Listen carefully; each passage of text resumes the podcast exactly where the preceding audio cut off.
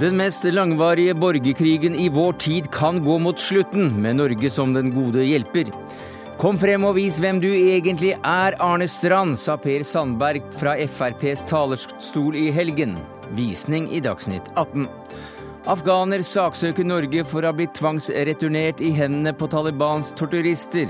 I dag starter rettssaken. Gode forskere sløser bort tiden på byråkratiske prosesser, mener forskere, og møter Forskningsrådet til debatt. Og Statoils sponsing av kulturlivet setter kreative mennesker i takknemlighetsgjeld til selskapet, mener en gruppe kreative mennesker. Drømmen om rene penger er urealistisk, svarer Knut Olav Åmås.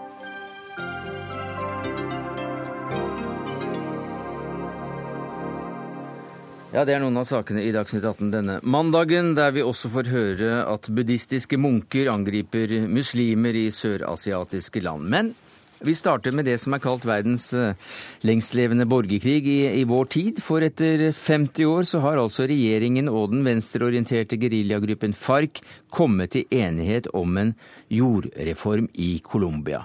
Avtalen beskrives som et historisk gjennombrudd, statssekretær i Utenriksdepartementet Gry Larsen. Hva er det de er blitt enige om?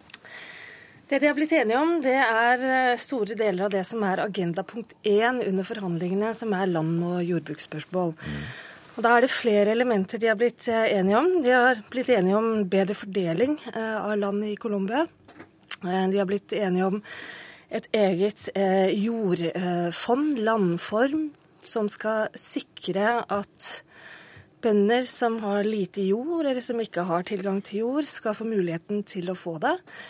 De er blitt enige om ulike eh, konsultasjonsmekanismer eh, hvis det oppstår konflikt. Så det er mange konkrete ting de har blitt eh, enige om så langt i forhandlingene på dette området. Og det er veldig positivt, fordi at dette har av veldig mange blitt sett på som det mest krevende punktet i forhandlingene. Europadirektør i Human Rights Watch, Jan Egeland. Du var FNs spesialutsending til Colombia. Du ledet selv forhandlingene i en tre-fire års tid, og du har et 30 år langt forhold til landet. Hva sier du i dag?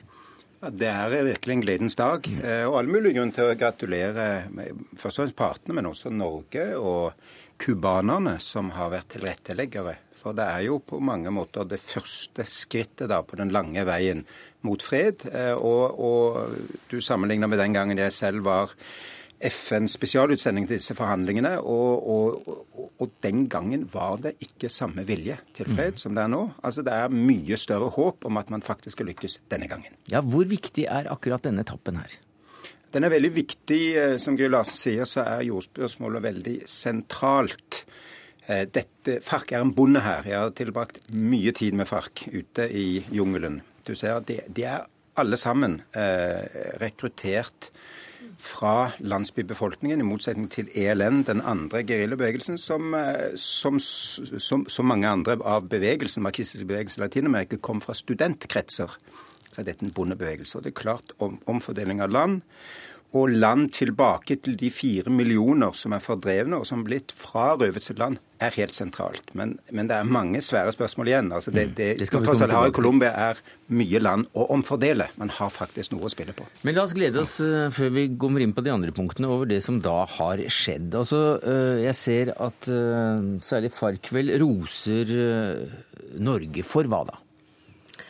Vel, Jeg har også sett at de har vært ute og eh, rost eh, Norge for den rollen som vi spiller. Ja, Hva, spiller, hva slags rolle spiller vi? Nei, Vi eh, er jo tilrettelegger for prosessen. Grunnen til at vi er tilrettelegger, det er fordi vi har tillit fra begge partene. Begge partene ønsker at vi skal ha den rollen.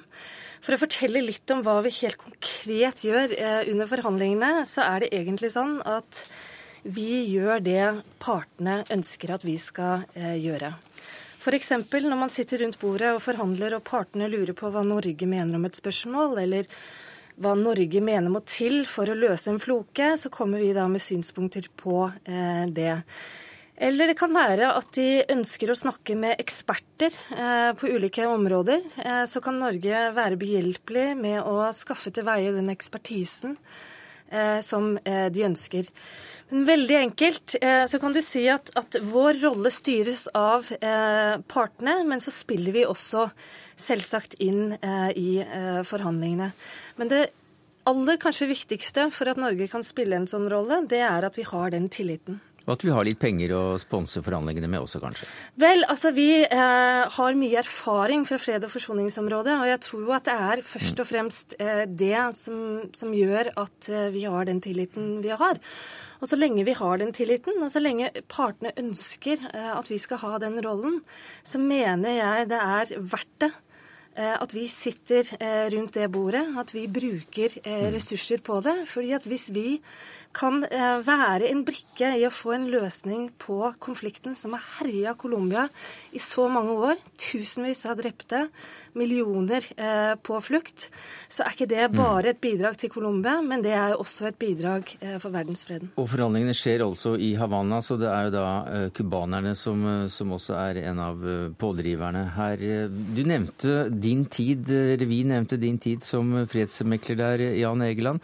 I dag er altså Eh, partene villige til å strekke seg lenger. Hvorfor det? Det er mange ting som har skjedd i disse 10-12 årene. En av endringene er jo at FARC er halvparten så stor som det var den gangen. Nå er de kanskje 8000-9000 kvinner og menn under våpen. Den gangen var de 18 19 20 000. På det tidspunktet trodde de at de kunne vinne. Nå tror de ikke det. De har også fått et, eh, en president som er eh, flink og systematisk til å legge forholdene til rette for forhandlinger. Det var nokså kaotisk den gangen. Altså Det har rett og slett skjedd en modningsprosess. Men, men det er veldig, veldig langt igjen. Ingenting er på plass før alt er på plass. Og de har kanskje hovedproblemet nå er at de har, har liten tid. Mm. Eh, det er presidentvalg til neste år. Og Santos, den nåværende presidenten, sier det, må, det hele må være ferdig før de går i gang. Men samtidig så kommer det da litt urovarslende meldinger fra Colombia om at hans popularitet er svært dalende. Hva kan det ha å si, spille inn i forhandlingene her? Det er jo, det, altså Han har hatt rekordhøyt nivå i popularitet. Okay. Eh, denne avtalen kan faktisk hjelpe han noe tilbake igjen. Men, eh, men eh, hans forgjenger, eh, Alvaro Uribe, som jeg også kjente den gangen han var kandidat, og han er jo en, en av de harde typene i colombiansk politikk. Denne mannen prøver å gjøre sitt ytterste for å undergrave tilliten til forhandlingene. Jeg tror opinionen vil svinge mye. Det viktige er at de nå går raskt i gang med hovedspørsmålene som gjenstår, og får forhåpentligvis til slutt en våpenhvile og en fred. Hva er de vanskeligste punktene nå? Ja, det er, det er, jo mange veldig vanskelige eh, spørsmål igjen. Altså, jeg tror et av de vanskeligste vil være rett og slett justisspørsmålet. De kan ikke tilgi hverandre for krigsforbrytelser. Mm. Og de har blod på hendene på begge sider. En del av individene ved bordet har til og med det. Så det er, det er et av de vanskelige spørsmålene. Og så må, må, de klare å få geriljasoldatene til å ha tillit til å legge ned våpenet til slutt. Eh, de kameratene som gjorde det i sin tid, er for en stor del drept. Mm. Det er snakk om barnesoldater som fremdeles eh, rekrutteres fra. FARCs side? Ja. Ja, det er, mange, altså det er, mange, spørsmål som Jan sier som fortsatt kommer til å, å, være krevende. Men partene er jo enige om hva som skal være agendapunktene framover. Nå skal man ta fatt på politisk deltakelse. Ja, for, for FARC har lyst til å bli et politisk parti? Vel, Det er en av de tingene man skal diskutere. Betingelser for uh, opposisjonen. Og For FARC sin del så er dette et ganske sånn avgjørende spørsmål hvis de skal legge ned uh, våpenet. Det er det ene spørsmålet som, som, gjenstår. Eh, et annet spørsmål er eh, narkotika. Vi vet jo at eh, eh narkotika enormt eh, problem i Colombia, som også fyrer opp under eh, konfliktene i Colombia.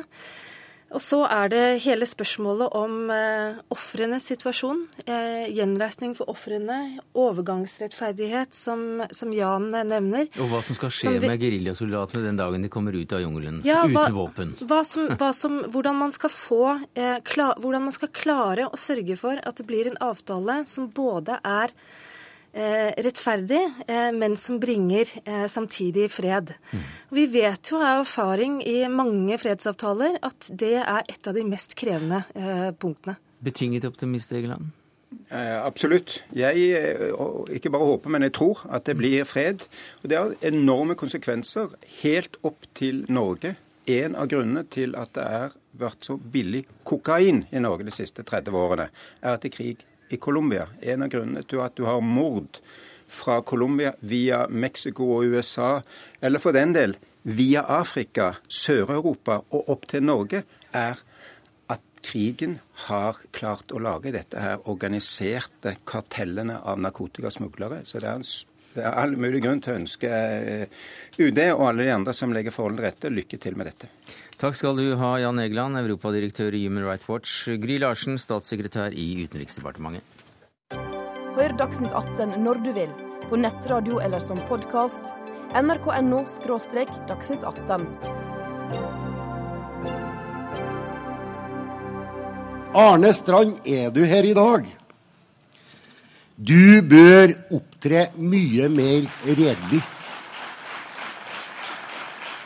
Ja, Nestleder i Fremskrittspartiet, Per Sandberg. Denne etterlysningen var det du som kom med fra landsmøtetalerstolen i helgen. Og, hvorfor gjorde du det? Nei, altså du, du, samler opp eh, over lang tid. Og nå har jeg sett en eh, tendens til at eh, man eh, fra enkelte presse- og mediehold går på person i stedet for på parti og politikk. Og det hadde man gjort i dette tilfellet her, både i forhold til undertegnede og i forhold til Tybring-Gjedde. For det første så påstår Arnestad og Dagsavisa at det ikke finnes noe lovverk eh, for at vi kan stoppe kriminelle på grensa, og eventuelt sende ut kriminelle eller andre som skaper eh, uro i Norge. Det påstår de er løgn. Eh, og derav, derav, så kan de da kalle meg en person som lider av fremmedfrykt, og ikke liker fremmedfolk.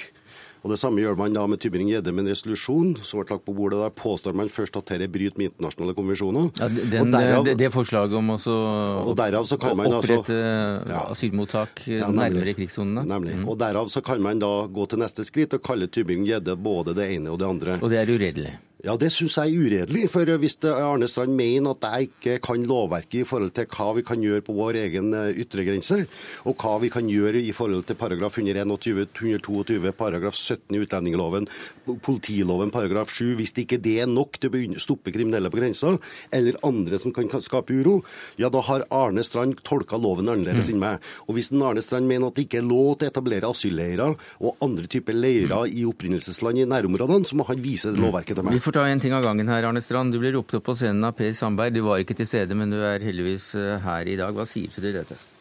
Det jeg ikke begriper noe av, er at Per Sandberg kan hisse seg så veldig opp over noen setninger i en lederartikkel som ble skrevet av meg i Dagsavisen 14 dager før landsmøtet. Hvis det er gale nok, så er vel det Nei, det er ikke det. Altså, Han blander noe voldsomt sammen. Den lederartikkelen jeg skrev, den gikk på et forslag fra Oslo Fremskrittsparti, et innvandringspolitisk forslag, som vi dagen før hadde presentert veldig stort i vår avis som et intervju med Tybring-Gjedde. Det ville være bortimot rart, for å si det mildt, om ikke jeg da kommenterte det på lederplass dagen etter. Poenget i det forslaget, slik jeg ser det, er at Oslo Fremskrittspartiet ønsker en total forandring av norsk innvandringspolitikk dit hen at asylsøkere skal stanses på grensen.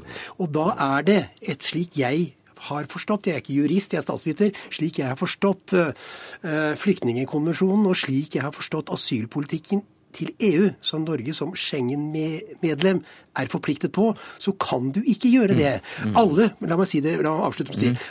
alle som søker om asyl i Norge, og som ikke har fått avslag i et annet land, har krav på, slik jeg oppfatter det, på å få sin mm. uh, søknad behandlet her i landet. Det er, jeg har sjekket det, er, det, er, det, med folk i dag. Jeg har sjekket det med en tidligere ja, utenriksminister, og jeg mener å ha dekning for det. Ja, Nå påstår du igjen, og det her skal vi bare finne ut av, Arne, hvor lovverket ligger hen.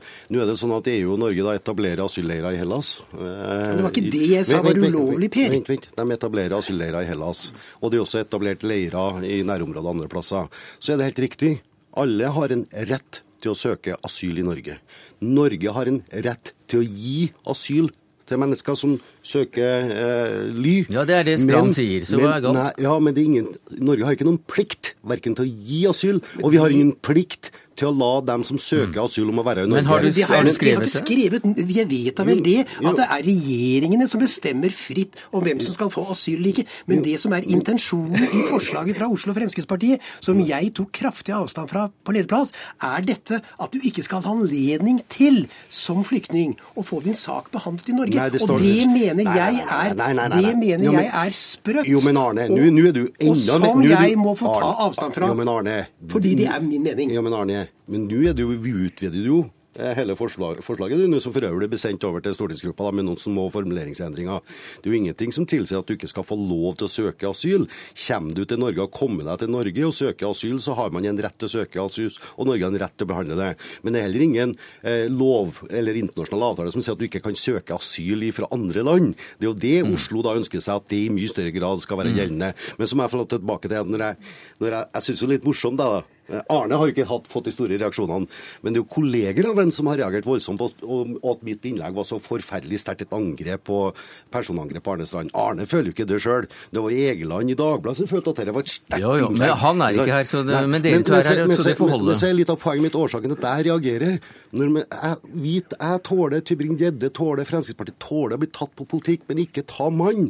Og nå har jeg i dag googla både deg og Dagsavisen, Arne, og de har mm. på en rekke områder De har kalt meg totalitær. Mm. De har beskyldt meg for å hetse fremmedfolk, du har kalt meg det svarte får, du har kalt meg den siste Harry og en rekke ting. Mm. Tybring-Gjedde har blitt kalt Ku Klux Klan og gjedda. Egeland har altså advart barn mot å besøke Tybring-Gjedde, mm. for det er farlig, okay. osv. Ja. Nå må de begynne å forholde for verken Tybring-Gjedde eller undertegnede representerer oss sjøl. Vi representerer en politikk og et parti. Så ta partiet og politikken, ikke personene. Er, er det noe jeg har drevet med i uh, de 23 årene jeg har vært redaktør i Dagsavisen, så er det faktisk å ta FrPs innvandringspolitikk. Jeg tror ikke, med et par unntak, at jeg noen gang går på personløs. Men det er riktig, det. Jeg har kalt deg den siste Harry, men det var positivt ment. Jeg skrev før landsmøtet at de trenger, de trenger en mann som deg i ledelsen. For det blei for mange høyre-folk, light, i FrPs ledelse. De kan ikke kaste ut den siste Harry. Det var faktisk positivt ment. Men jeg skjønner at du ikke synes at det er positivt. Det, for, så, for så vidt, det gjør meg ingenting, men jeg har, har opplevd det som er mye verre enn det. Det finnes vel snart ikke ei bikkje jeg ikke sammenligna med dette landet, foruten puddel. Og jeg, jeg bare advarer, ikke kall meg puddel, for da blir jeg i hvert fall irritert. ikke sant? Det er noen som sier det også. Da har du et poeng til neste leder. Men, men litt, litt, av poenget er altså det altså vi, det her er ikke noe surmuling. Her er jo surmuling fra Egeland i Dagbladet og litt av en Arne Strand. Jo, Egeland er ikke her. Men, men, men hør, hør her. Nei, tvert, tvert imot så sier du at uh, det kom en til deg og sa at du hør, kanskje jeg ikke bør sitte i styre og stell i Frp, men at nå har jeg begynt å like Arne Strand. Jo, men det Hva var dette for slags fenomen? Nei, men Det er flere, det. Jeg syns Arne Strand faktisk eh, er en av de få som begynner å nærme seg og ja, ligne på litt objektivitet innenfor pressen. Jaha, det, det, det er ganske fått, stor motsetning til det du har sagt tidligere i denne sendinga. Begynner å bli litt voksen da, vet du, Arne også. ja, det er kompliment, det òg. Ja det er kompliment. Jeg tar den. ja. Nei, men tilbake til det som, som jeg um, gjør, da, og som er liksom alvoret i dette, og som jeg ikke mener du bør bli hista opp overfor, det er at en avis som vår Nei, nei da, en avis som vår må kunne ha veldig sterke meninger når det kommer den type innspill som Oslo Fremskrittsparti kom med. Dette må vi få lov til å ta kraftig av, mm. avstand fra. Og ja, Du hadde et innlegg hos oss omtrent på samme tid som jeg skrev min lederartikkel, og du gjør rede for det som er ditt synspunkt. Mm. Men jeg kan ikke huske at akkurat den diskusjonen. Har noe med personen uh, Per Sandberg å gjøre, men der representerer du altså Fremskrittspartiets politikk. Og en lederartikkel i en avis representerer altså avisens standpunkt til mm. den bestemte, og det, og det bestemte, saken. Du kan ikke oppfatte det som personforfølgelse. Nei, nei, nei, men nei, det er ikke det jeg snakker om. Arne. Ikke dra det for langt nå, da. Jeg har gått gjennom dette så mange ganger og aksepterer det her uten å bli sint og hisse alt mulig sånt. Nå. Men så er det de gangene da, når vi bruker vårt, når vi bruker vårt talerør ja. til å slå litt tilbake da, til disse redaktørene og journalistene, mm. da blir de snurt, da. Da skal jeg love deg, da blir de snurt. Jeg, jeg, jeg, men, jeg, jeg satt i går, jeg, jeg var ikke på landsmøtet, for jeg måtte i avisen og så skrive lederartikkel og visste ikke riktig hva jeg skulle skulle skrive om før jeg, før jeg hørte deg på, på, nettet og fikk et tema med en gang. Men det jeg satt og tenkte på da jeg skrev, var følgende Hvorfor tar han så hardt i? Jo, tenkte jeg, han gjør det samme som Carl I. Hagen var en mester på i sin tid.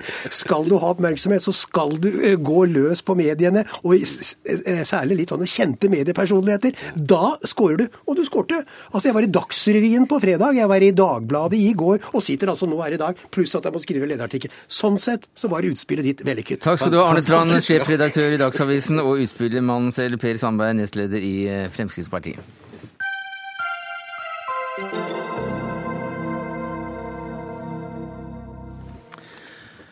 To dager etter at eh, Farad Hakimsai ble tvangsreturnert fra Norge til Afghanistan, ble han kidnappet av Taliban og torturert i 22 døgn. Nå går han til rettssak mot Norge, og det er første gang en asylsøker som er tvangsreturnert, saksøker Norge. Eh, landet har aldri innrømmet at eh, noen er blitt sendt tilbake og blitt torturert. Så mange følger med på denne rettssaken som startet i Oslo tingrett i dag. Og Farad eh, Hakimsai, velkommen hit. Takk. Hvorfor saksøker du den norske staten? Ja, fordi jeg har vært i Norge fem og et halvt år. Jeg har jobbet her og betalt skatt, og jeg har norske venner. Så det betyr at jeg har norske tilknytninger. Så derfor.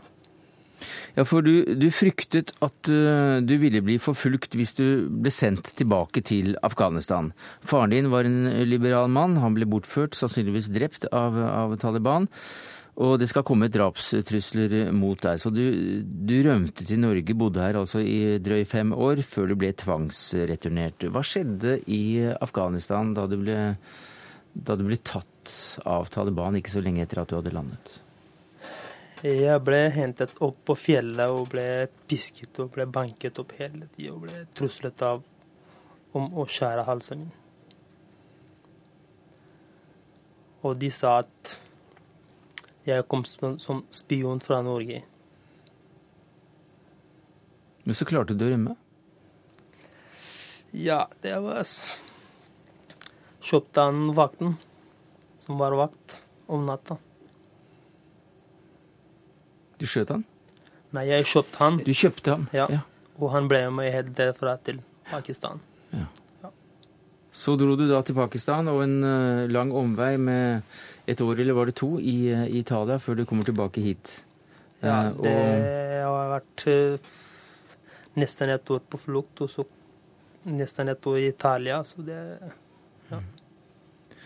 Hans Henrik Ramm, du er tidligere styreformann i NOAS. Du er tidligere statssekretær i Olje- og energidepartementet, for de som husker helt tilbake til Willochs første regjering. Ja, og du er med i denne støttegruppen til Farad og jobbet med denne saken også før han ble sendt ut. Ja. Hva er det som gjør eh, dette vedtaket fra Utlendingsnemnda ugyldig, slik dere ser det? Vi mener jo at utlendingsloven etablerer et, eh, en objektiv rettighet til personer som har beskyttelsesbehov om faktisk å få beskyttelse i Norge.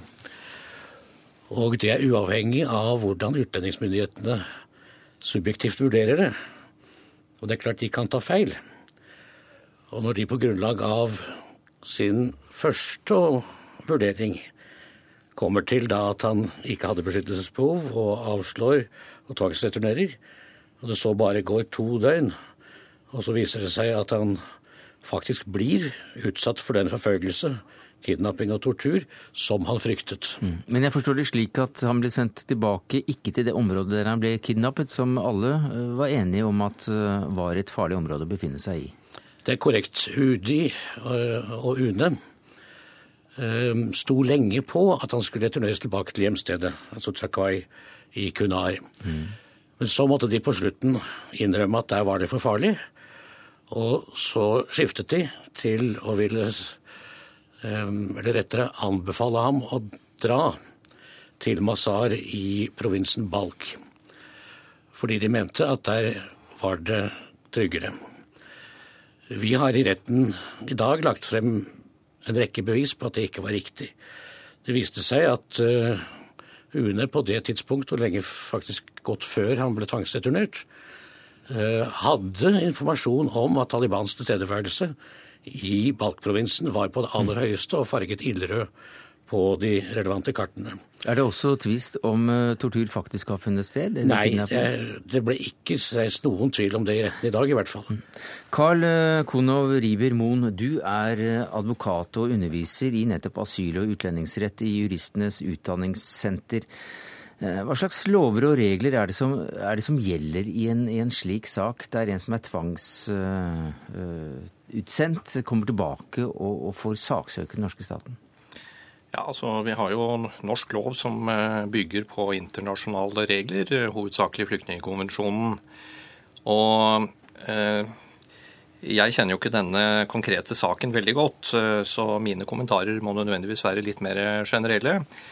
Men utgangspunktet er jo at man foretar i alle land en, en, vurdering av om det er forsvarlig å sende folk tilbake til, til områder eller land hvor de kan være trygge. Og når det gjelder Afghanistan spesielt, så er det jo som eh, Ram var innom her, eh, slik at eh, både Norge og andre land har jo pekt ut områder som er utrygge, og områder som er mer trygge. Norge har f.eks. ikke vært alene om å sende enslige menn tilbake til Kabul-området og sagt at der, der kan de være trygge, selv om de kommer fra andre steder i Afghanistan. Men, men, dette skal vel være den første rettssaken i, i, sitt slag? Ja, jeg forstår det slik. Og den åpner jo for mange skal vi si, prinsipielle, interessante mm. spørsmål. Hva, hvilke er mest interessant? Ja, Det mest interessante er jo at uh, her har vi å gjøre med en person som øyensynlig har fått beskyttelse i et annet land etter at han har fått prøvet sin sak der. Uh, jeg forstår det slik at han uh, har oppholdstillatelse i Italia. Og hvis, han, hvis en person da, som har oppholdstillatelse i Italia, kommer til Norge og sier at jeg skal ha beskyttelse her, så vil han som regel bli sendt tilbake dit umiddelbart etter Dublin II-forordningen, som altså er en avtale mellom en god del land om at man skal ha rett til å få behandlet asylsøknad i minst ett land, men kun ett land. Mm. Men dette er altså da en prinsipielt svært eh, viktig sak. Eh, hva er det, hva er det saksøkeren eh, vil? Han vil jo selvfølgelig først og fremst få opphold i Norge. For her har han tilhørighet, han snakker norsk. Han kan få jobb på dagen. Mens i Italia så er det ikke noen håp for ham. Asylsøkere bor der på gaten.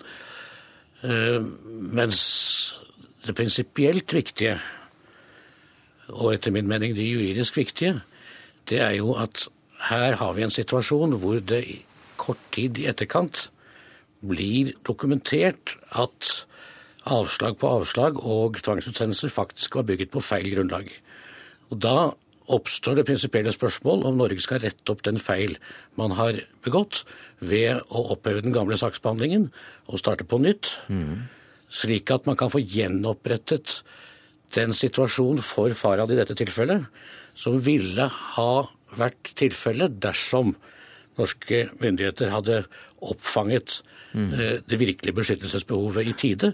For da ville han ha fått opphold i Norge. Som jo da er viktig for ham. Men det er ikke noe automatikk? altså Han vil ha utvisningsvedtaket opphevet? så Det er ikke noe automatikk da at han får asyl? Eller? Nei, for retten kan ikke sette seg i forvaltningens sted. Nei. Retten kan oppheve de gamle vedtakene.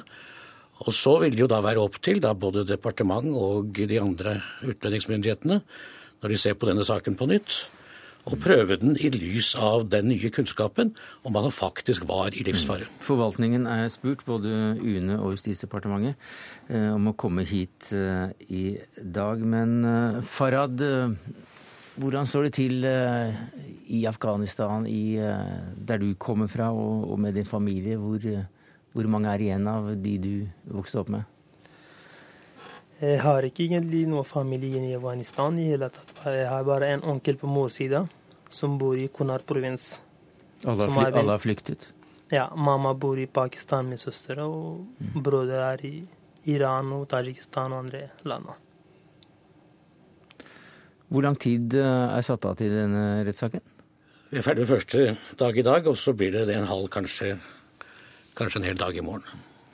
Og Det er altså første gang at en slik sak er oppe for det norske rettssystemet. Eh, UNE, norske myndigheter, har aldri innrømmet eh, at man har tvangssendt noen til, eh, til tortur? Nei, de har ikke det. Og vi ble jo veldig forbauset, da, for vi holdt jo på da etter at han kom tilbake og forsøkte å få asyl overført til Norge. Og sendte jo alle da de nye bevismidlene og hans forklaring og til og med et avisoppslag i en avis til til, også til Skjeggestad i UNE. Og to måneder etterpå at han hadde fått alle de bevisene, så ser vi at det er store forbauselse at A-magasinet sier fortsatt at det aldri er blitt fremlagt mm. noen bevis for retur til forfølgelse. Og så sier han også at det ville vært veldig forferdelig om mm. det skulle skjedd. Takk skal du ha, Hans Henrik Ramm i støttegruppa for Farad. Takk skal du ha, Farad Hakemsei og Carl Konov Ribermoen.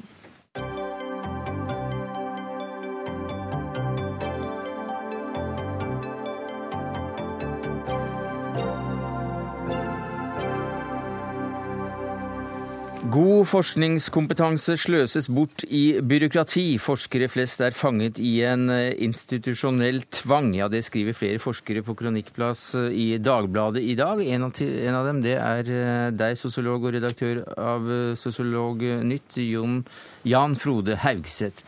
På hvilken måte er forskerne fanget i en institusjonell tvang? Jo, Problemet er at eh, innvilgelsesprosenten er såpass lav, men forventningene til at norske forskere i dag skal søke, er såpass høy. Og veldig mange årsverk ved norske forskningsinstitusjoner går i dag med til å produsere søknader som ikke får økonomisk støtte. Betydelig arbeid blir lagt ned i søknadene uten at det resulterer i noe forskning. Og Problemet vi tar opp i kronikken, det er to, todelt. Det omhandler forskernes arbeidssituasjon og det overordna samfunnsmessige perspektivet. Og Én ting er jo det at det å bruke mye tid på å skrive søknader som ikke får tilslag, går utover forskerne sjøl. Det medfører en sløsing av deres tid, og noen tilfeller så går det utover livskvaliteten deres. At de jobber bytter overtid. At de opplever eh, i de verste rapportene vi har hørt, opplever de skamfølelse og utbrenthet. Men enda viktigere, altså, hovedpoenget vårt er at dette her medfører et stort samfunnsøkonomisk sløseri. Da. Det går utover forskningstida. Altså at Sånn som det er nå, så er kravet om å søke etter midler og skaffe oppdrag det som dominerer arbeidsdagen for mange norske forskere. Og Det er det som er problemet som vi på en måte tar opp i kronikken. Divisjonsdirektør for vitenskap i Forskningsrådet, Anders Hanneborg. Dere ødelegger også selvtilliten til forskere. Dere fører, deres politikk fører til at det blir dårligere forskning, mindre forskning og mer penger sløses bort. Ja, det er, eh, det er, en påstand, og det er en viktig problemstilling å diskutere. Eh, det er klart når eh, Hvis det meste av forskerens tid går til å skrive forskningssøknader, så er ting galt fatt. Mm. Så er det spørsmål hvor, om dette er en realitet overalt, og alle oppfatter det slik. Og det er også spørsmål hvem som har ansvar for hva. Det er klart det er også et institusjonelt ansvar å etterse at man har en fornuftig balanse i arbeid og skaffe seg penger, og det å faktisk mm. utføre Men hva sier du til kritikken? Jeg sier kritikken at problemstillingen er, er, definitivt relevant. og Den har vi på dagsordenen til enhver tid. Eh, både om de konkurransearenaene vi rigger er, er riktige, om de om, eh, og om de treffer forskerne, og om vi kan gjøre mer for å sørge for at vi får en, mer, en høyere effektivitet i tildeling av forskningsmidler. Mm. Men jeg tror det faktum at uh, en del forskningsmidler er og kommer til å bli konkurranseutsatt, det, det, tror jeg vi må leve med. Og den konkurranseutsatte delen av forskningen i Norge er lav i forhold til de fleste land vi kan sammenligne oss med. Danmark og Norge har faktisk en veldig høy andel grunnbevilgning. Haugseth. Ja. Eh, jeg vil jo si at vi er ikke imot konkurranseutsettelse av forskning eh, per se. Men det er på en måte litt med organiseringa av måten det blir, det blir, gjort på, da, som vi prøver å Eller som vi ønsker debatt rundt. Mm. Ja, hva, hva, er det som er verst med måten det blir gjort på? Eh, sånn som det er i dag, det er veld, veldig mange forskjellige eh, forskningsmiljø som konkurrerer med og mot hverandre. Eh, og det forventes at de legger ned eh, utrolig mye arbeid i de søknadene.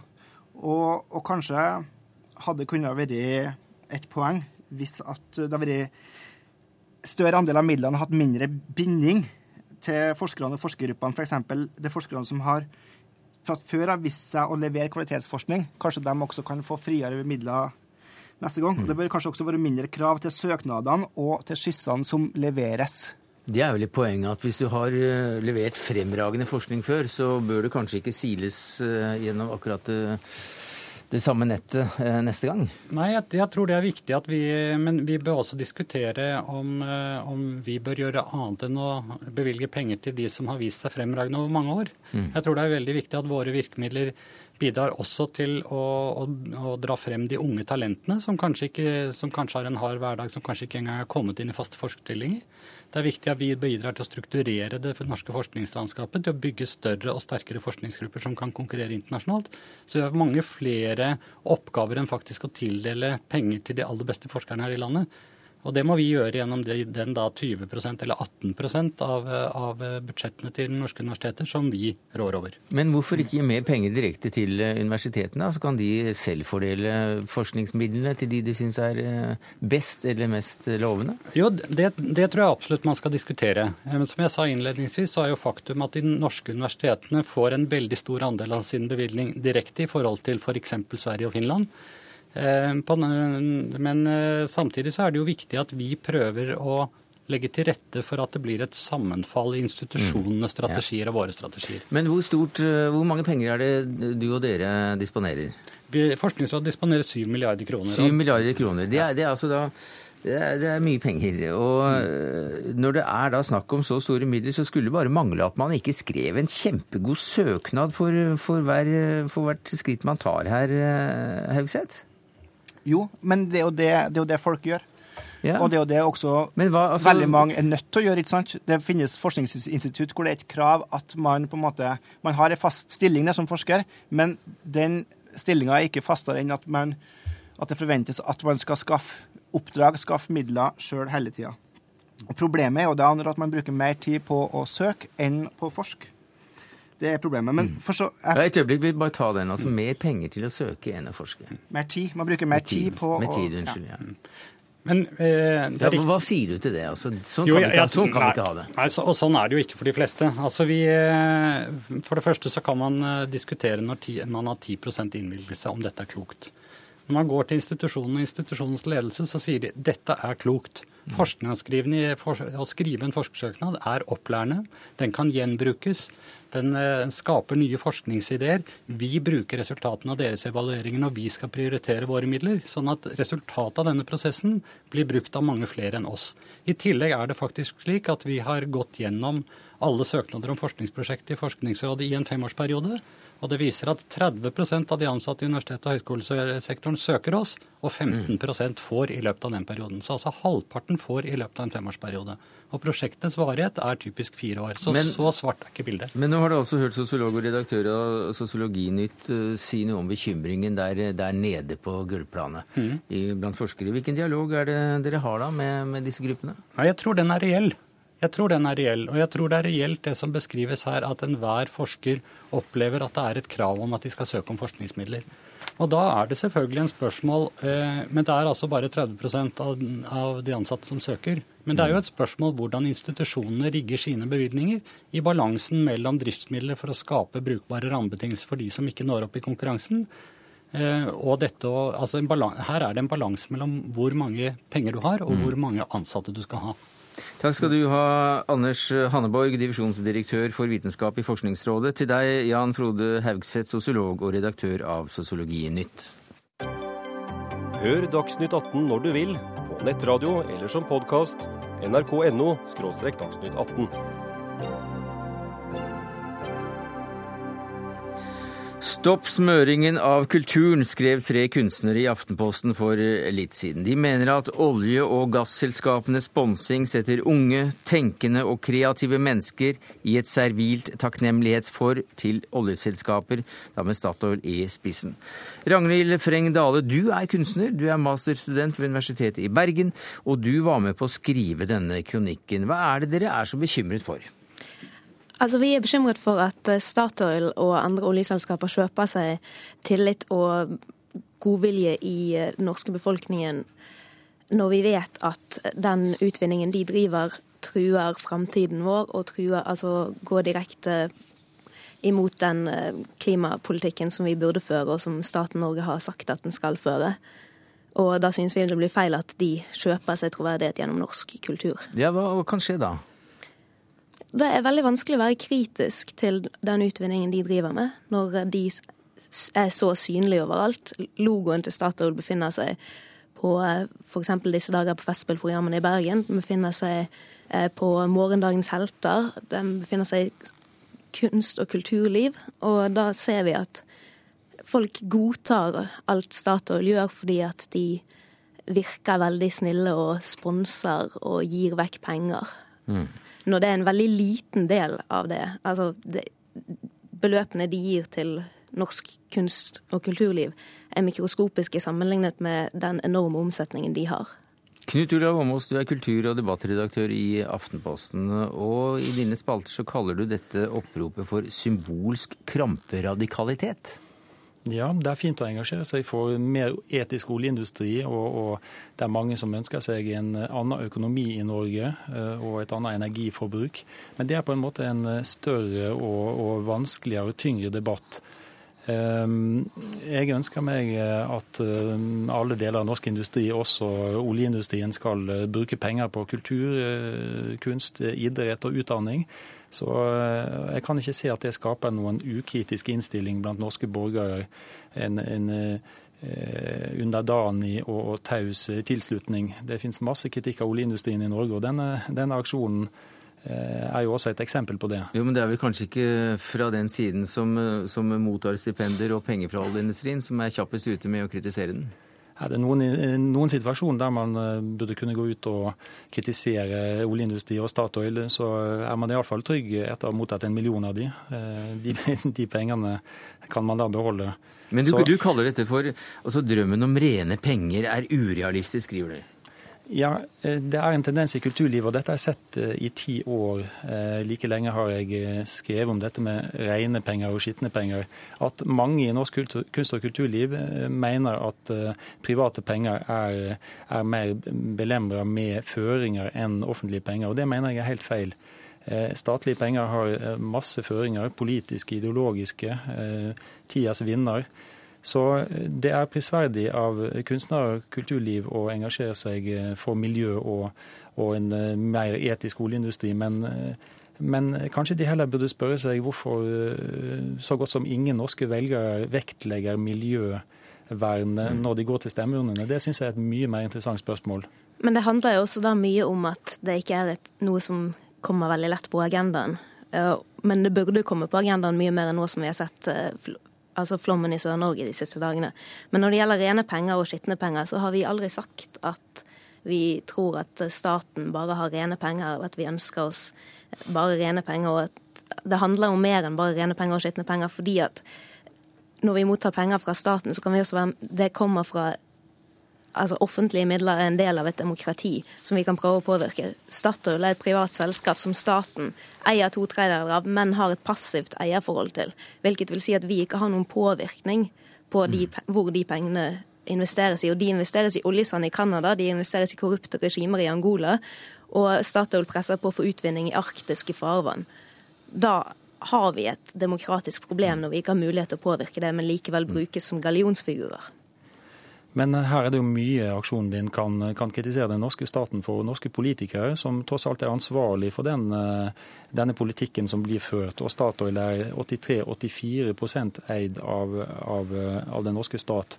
Så det er ikke noe privat selskap. Nei, men Staten har et passivt eierforhold. De går ikke aktivt inn og styrer selskapet. De stoler på hva styret i Statoil beslutter. Mm. Men hvorfor tror du at det er et problem at, at eh, det skaper en velvillighet? Eh, du, du, ser for deg en masse av ukritiske borgere som, eh, som, ikke er i stand til å gjøre seg opp sin egen mening. Festspillene blir, blir, har, har Statoil som en viktig sponsor. Jeg tror ikke det forhindrer Festspillene i det hele tatt å, å skape fri kunst. Ikke på noen måte. Og, og ser fram til å få eksempler fra deg på det. Og, og, på at noen har latt seg kneble av private penger. Et eksempel er altså i um, Bylarm i 2008, når ungdomsskolen trakk seg, så var det delvis fordi at det sto i avtalen til Statoil Hydro-stipendet at de ikke skulle gjøre noe som kunne sette Statoil Hydro i et dårlig lys. Da snakker vi om en direkte mm. knebling. Mm. Torgeir eh, Reboleda Pedersen, eh, som forfatter og dramatiker så har du kanskje ikke mottatt så veldig mye penger fra oljeselskaper som Statoil?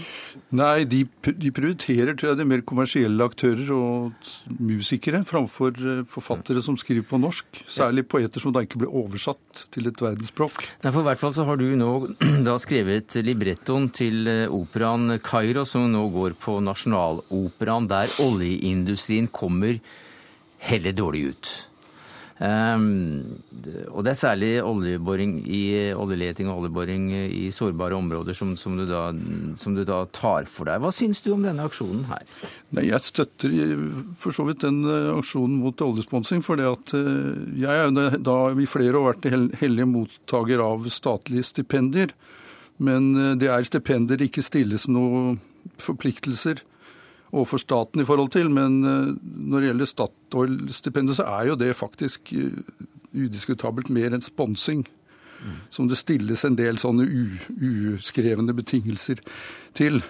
Og, og jeg syns det er fortjenstfullt at ungdom i dag eh, prøver å stikke litt hull på det delvis oppblåste selvbildet som Statoil har rundt omkring i verden. Jeg syns det er fortjenstfullt, og jeg syns det ikke skal møtes med en sånn hoverende holdning som, som mange gjør. Ja, det, det, er fortjenstfullt, og vi trenger kritisk debatt eh, for all del. og Jeg synes Statoil eh, bør svare på eh, hvis de eventuelt legger føringer på sponsa penger. Det, det, er ikke bra. Og, og, men generelt så, så, har jeg ingen tro på at private penger er mer ufrie enn en offentlige. Så Derfor syns jeg det er så bedøvelig at denne aksjonen for å stoppe oljesponsingen vil kvitte seg med en hel finansieringskanal det er for lite private penger som er problemet i norsk kunst- og kulturliv.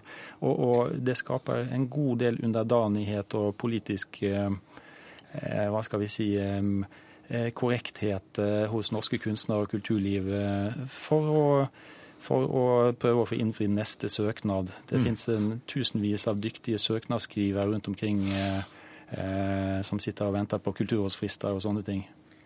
Det tror jeg faktisk ikke. Jeg tror folk som, som leser f.eks.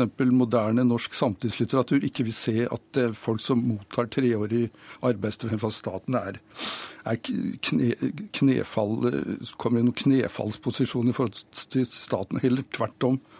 Jeg, jeg syns jeg syns at Statoil på en måte har kommet til en posisjon ja, hvor, som er så arrogant at på en måte man kan snakke om en, en slags ny religiøsitet. Man sier at man skal løfte resten av verden ut, ut av fattigdom ved også at vi skal utvinne, få lov å utvinne vår olje. Men hva faen med de andre landene? For de, for de utvinner sin energi. Vi har kommet til en slags sånn tre, en annen reformasjon. Fra Sankt Peter via Luther til Sankt Petro. Ja, det stemmer veldig godt, egentlig. Eh, og det er også det at Statoil er avhengig av tillit i befolkningen for å kunne drive på sånn som de gjør. Og det skaper de mm. bl.a. gjennom å sponse alt som er av kunst og kulturliv, sånn at det ser ut som at de er hyggelige og snille. Mm. For eksempel et, altså, I Festspillprogrammene nå så er det et stort bilde av eh, en av morgendagens helter med bakgrunn norsk natur. Mens vi vet at de ødelegger fjell, altså, om, naturområder på, som er større enn Rondane mm. i Canada. Åmås? Det er klart at uh, Statoil vil profilere seg, uh, og de burde profilere seg langt mer. Og det burde langt flere norske aktører gjøre. Det som er synd, er jo at vi har så få, så få store aktører som virkelig kan uh, sponse kultur og idrett og utdanning med, med mange titalls millioner. Men, men, så mange som du vil ha det til, er det ikke. Det, det, det er en li, svært liten del av norsk kulturliv som, som blir sponsa mm. på denne måten. Eh, Knut Ole Åmås, du har hatt eh, to meddebattanter her. Vi skal eh, utjevne oddsen litt. Takke Torgeir Rebeledo Pedersen for oppmøtet og få inn Jannik Limbek jr., informasjonsdirektør i, i Statoil-konsern.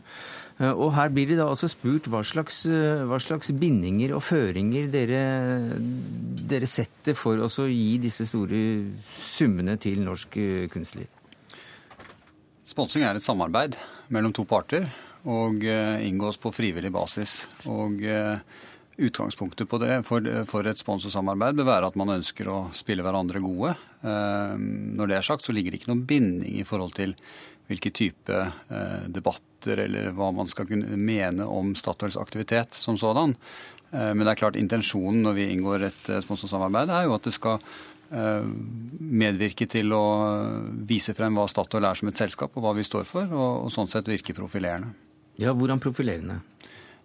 Gjennom at vi eh, bidrar eh, med sponsormidler inn i eh, kultur, utdanning og idrett, så legger vi til rette for, gjennom det programmet vi har valgt, da, som bygger opp under å dyrke frem talent, så gjør vi det mulig for unge mennesker å realisere sine drømmer innenfor de eh, eh, områder hvor de har særlige forutsetninger. Men som også du eh, jo vet, så er det ganske mange unge, kreative mennesker som, eh, som ikke jubler over boring i nord eller oljesandprosjekter og slikt. Og ser dere at det er et dilemma ved at man at det er ikke noe som heter en frilunsj, og man binder unødvendig Min opplevelse er at det er en veldig god og levende debatt rundt Statoils virksomhet i det norske samfunn.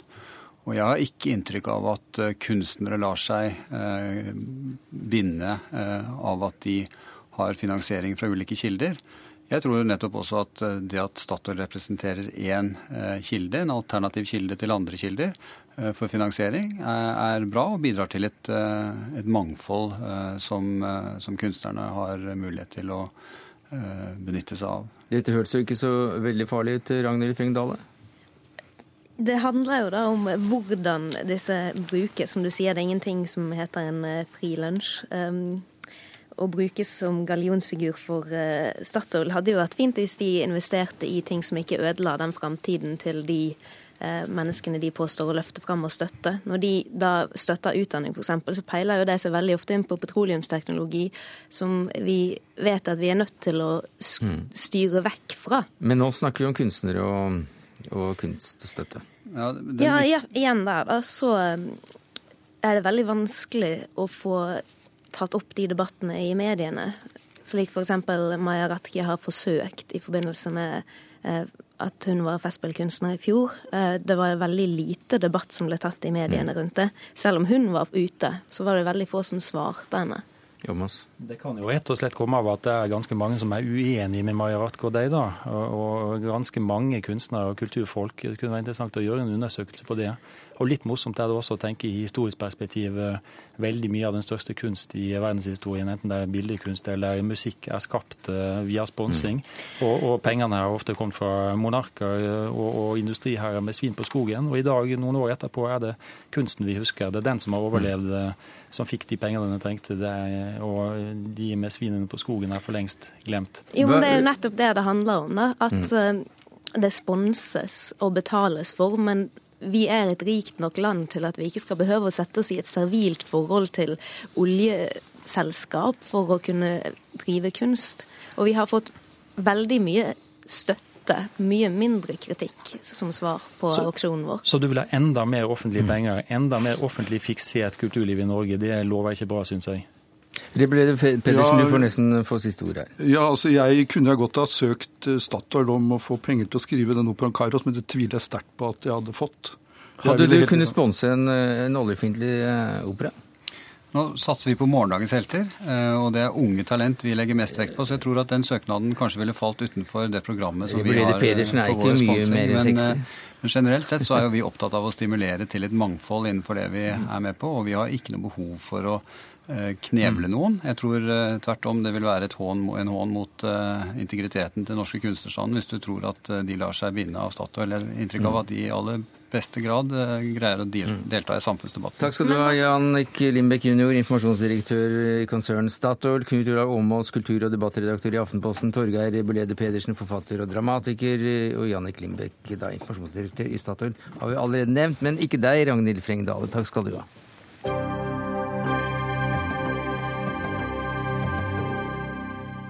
I lotusstilling med dette fredefulle uttrykket i ansiktet. Det er glansbildet av fredselige buddhistiske munker som nok ikke stemmer helt. I Sør-Asia er buddhistmunker ganske militante overfor religiøse minoriteter.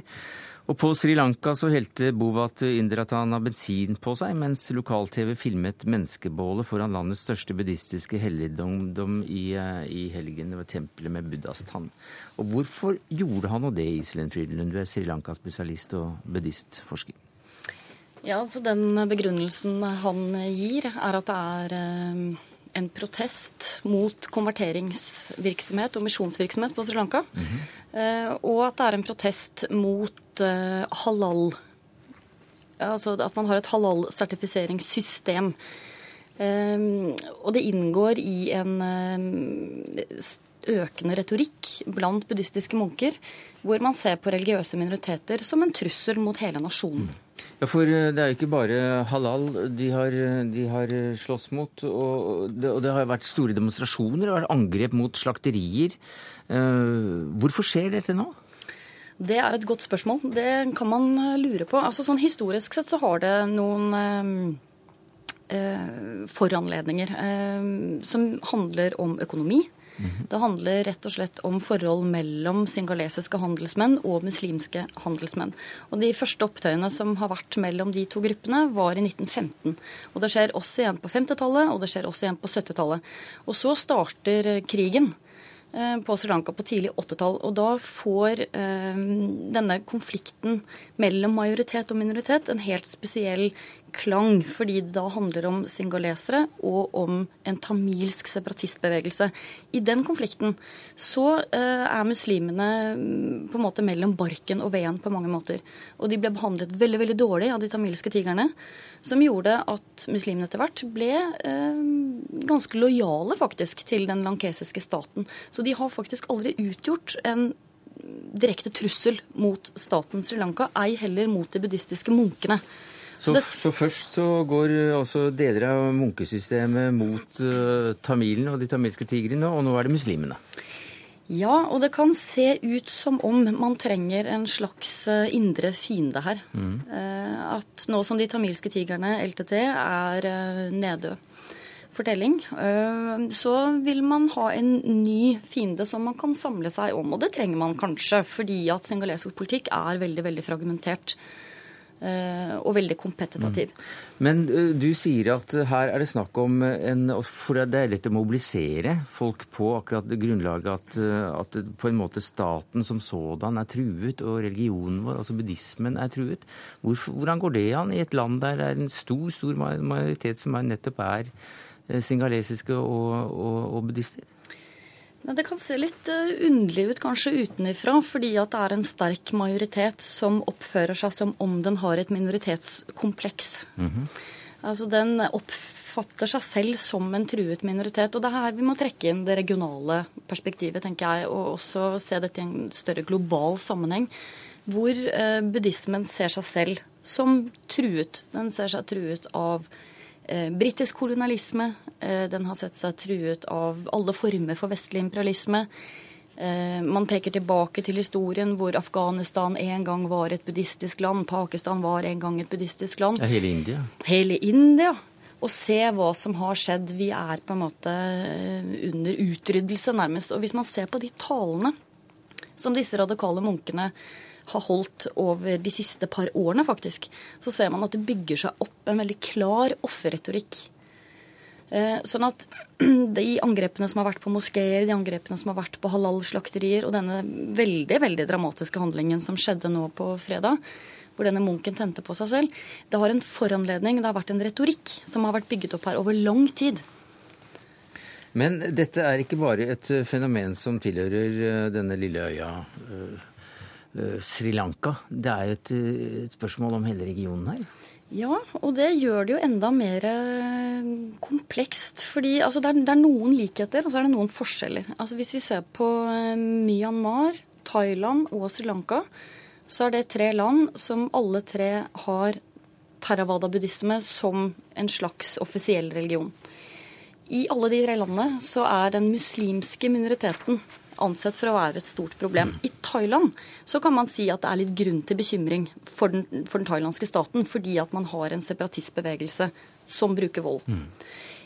I Myanmar og på Sri Lanka så er det muslimske minoriteter som egentlig ikke representerer en trussel mot staten. Men her tror jeg vi skal se litt at det handler om, om eh, økonomisk usikkerhet. Vi følger litt spesielt med akkurat på Sri Lanka, rett og slett fordi Norge meklet i denne fredsprosessen som gikk så aldeles eh, galt. Før eh, det skjedde, så visste alle hvem Erik Solheim var, på lik linje med at de fleste visste hvem den amerikanske presidenten George Bush var.